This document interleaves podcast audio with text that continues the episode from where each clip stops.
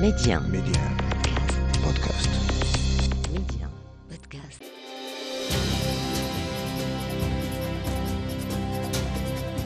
نتابع إذا من حيث توقفنا في الحلقة الماضية عندما أغضب ياسر عرفات الحسن الثاني لقد أشرت إلى متابعتي لأشغال لجنة القدس في كل دوراتها وكنت حاضرا بشكل مباشر في جل هذه الدورات وحضرت أول اجتماع لها في فاس في يوليوز 1979 كنت عندها في جريدة الميثاق الوطني وجرت جميع دوراتها بالمغرب باستثناء الدورة الثامنة المنعقدة في نيويورك على هامش اجتماعات الجمعية العامة للأمم المتحدة.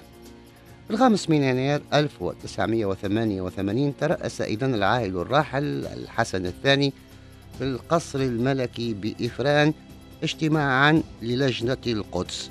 اجتماع طارئ دعا إلى عقده لبحث الوضع في القدس الشريف والأراضي المحتلة. حضره رئيس اللجنة التنفيذية لمنظمة التحرير الفلسطينية ياسر عرفات على رأس وفد هام وقال في تصريح للصحافة لدى وصوله أنه جاء إلى المغرب لحضور اجتماع لجنة القدس كما هي العادة عند انعقاد أشغالها نظرا لما يمثله اسم القدس الشريف بالنسبة للفلسطينيين.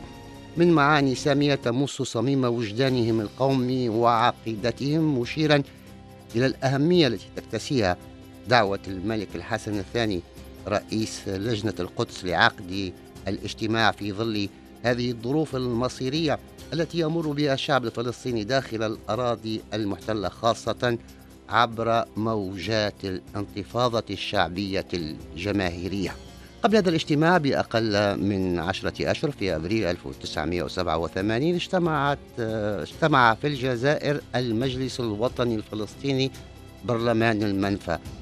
وحضر الاجتماع وفد المغربي هام يرأسه المستشار الملكي أحمد بن سودة.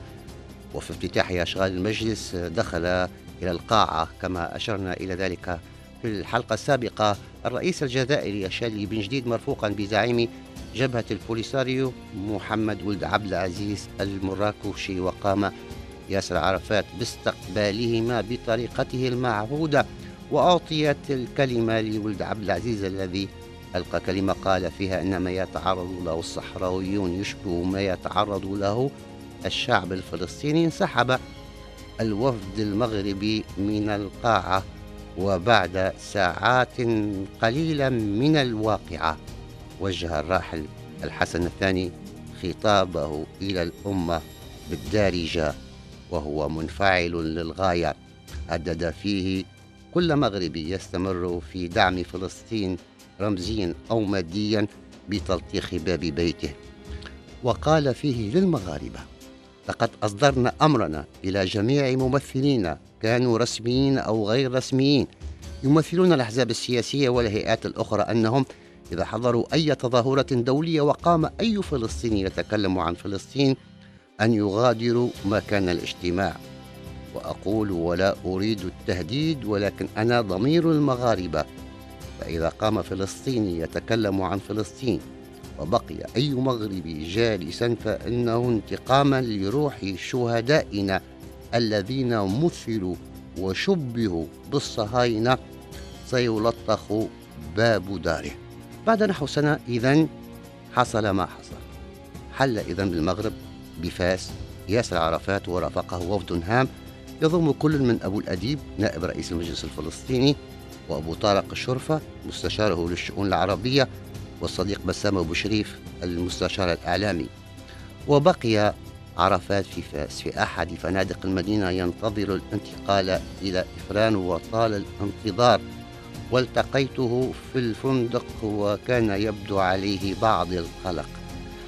انطلق أخيرا اجتماع لجنة القدس وكنت حاضرا فيه.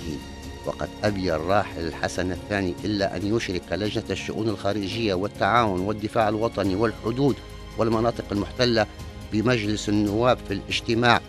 وألقى خطابا قال فيه بعد التطرق إلى ما وقع في القدس وما حولها علينا أن نخطو خطوة جديدة فكرت فيها هذه العشية وهي أننا وجدنا أرضية واحدة فيما يخص المشكل العربي الإسرائيلي واجتمعنا في فاس واتفقنا على مخطط حاز الإجماع.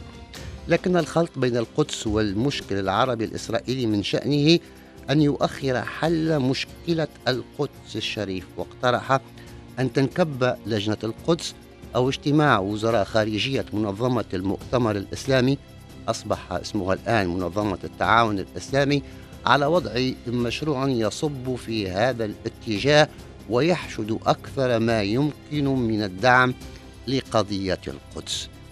ونوه ياسر عرفات في كلمته خلال الاجتماع بمبادرة الملك الحسن الثاني بالدعوة إلى عقد هذا الاجتماع العاجل لبحث الانتهاكات الإسرائيلية في الأراضي العربية المحتلة والقدس الشريف وقال إن هذه المبادرة تعد وقفة أخوية صادقة تجاه المجاهدين الفلسطينيين الذين يواجهون أخطر الأزمات.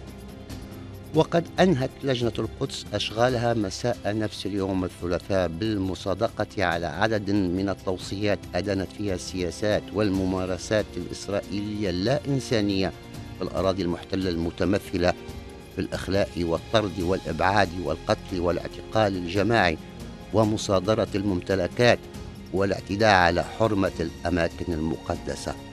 وأعربت اللجنة عن عميق امتنانها لرئيسها وشكرها وتقديرها للشعب المغربي وطلبت من الأمانة العامة تعميم هذا البيان في منظمة المؤتمر الإسلامي.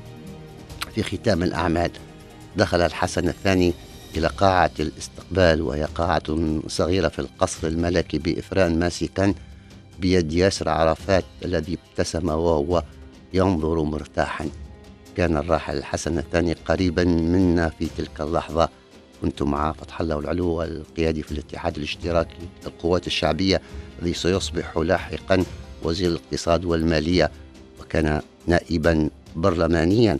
حضر الاجتماع ضمن لجنة الشؤون الخارجية والحدود. وإلى لقاء قادم.